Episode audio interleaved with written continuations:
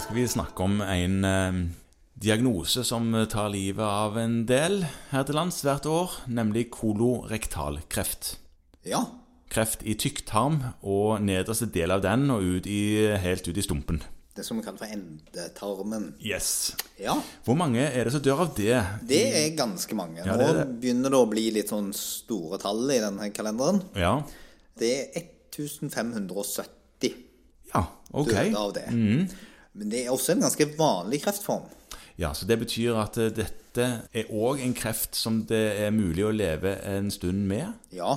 Altså, det er forskjellige tall på dette. Livstidsinsidensen, Ja, altså nå eh, sjansen, snakker du vanskelig. ja, sjansen for at du i løpet av livet får tykktarmskreft, Ja. er 5 for menn og 4 for kvinner. Ja. Den ser ut til å øke. Det vil si at det ser ut som det blir vanligere og vanligere å ha dette.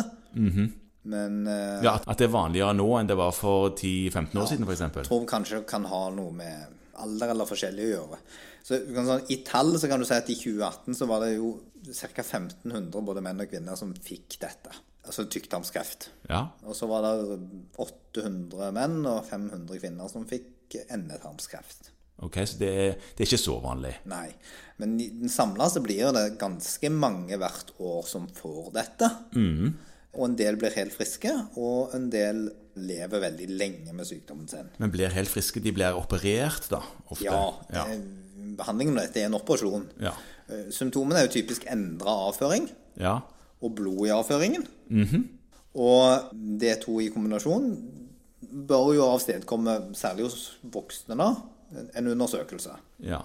Og er det ikke sånn at eh, en del av disse kreftene er mulig å nå med en finger opp i eh, endetarmen? Jo, altså, eh, noen sier at opp mot 10 kan faktisk avdekkes på den måten. da. Ja, Så det er en undersøkelse som hører med, selv om veldig mange vegrer seg litt for eh, å få den utført. Og en del vegrer seg faktisk for å utføre den òg. Ja. ja.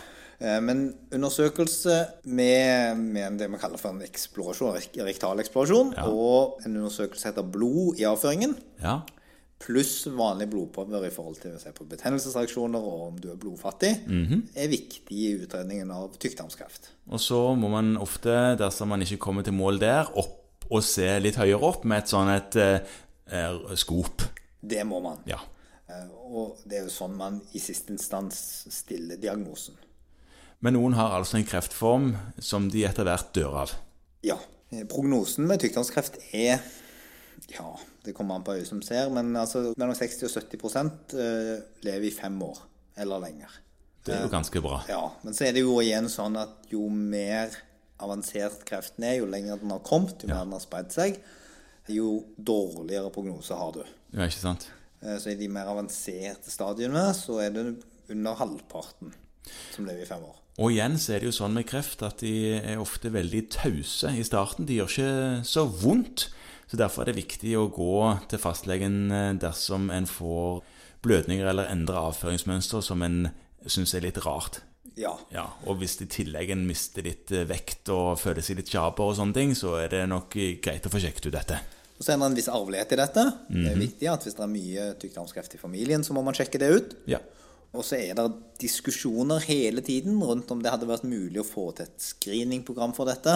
Ja. Eh, Og der holder en fortsatt på å evaluere helt nøyaktig om det er såkalt kost-nytte-effekt av et sånt type program. ja. Det må lønne seg. Eh, Ja, ikke minst både medisinsk og økonomisk. Stemmer.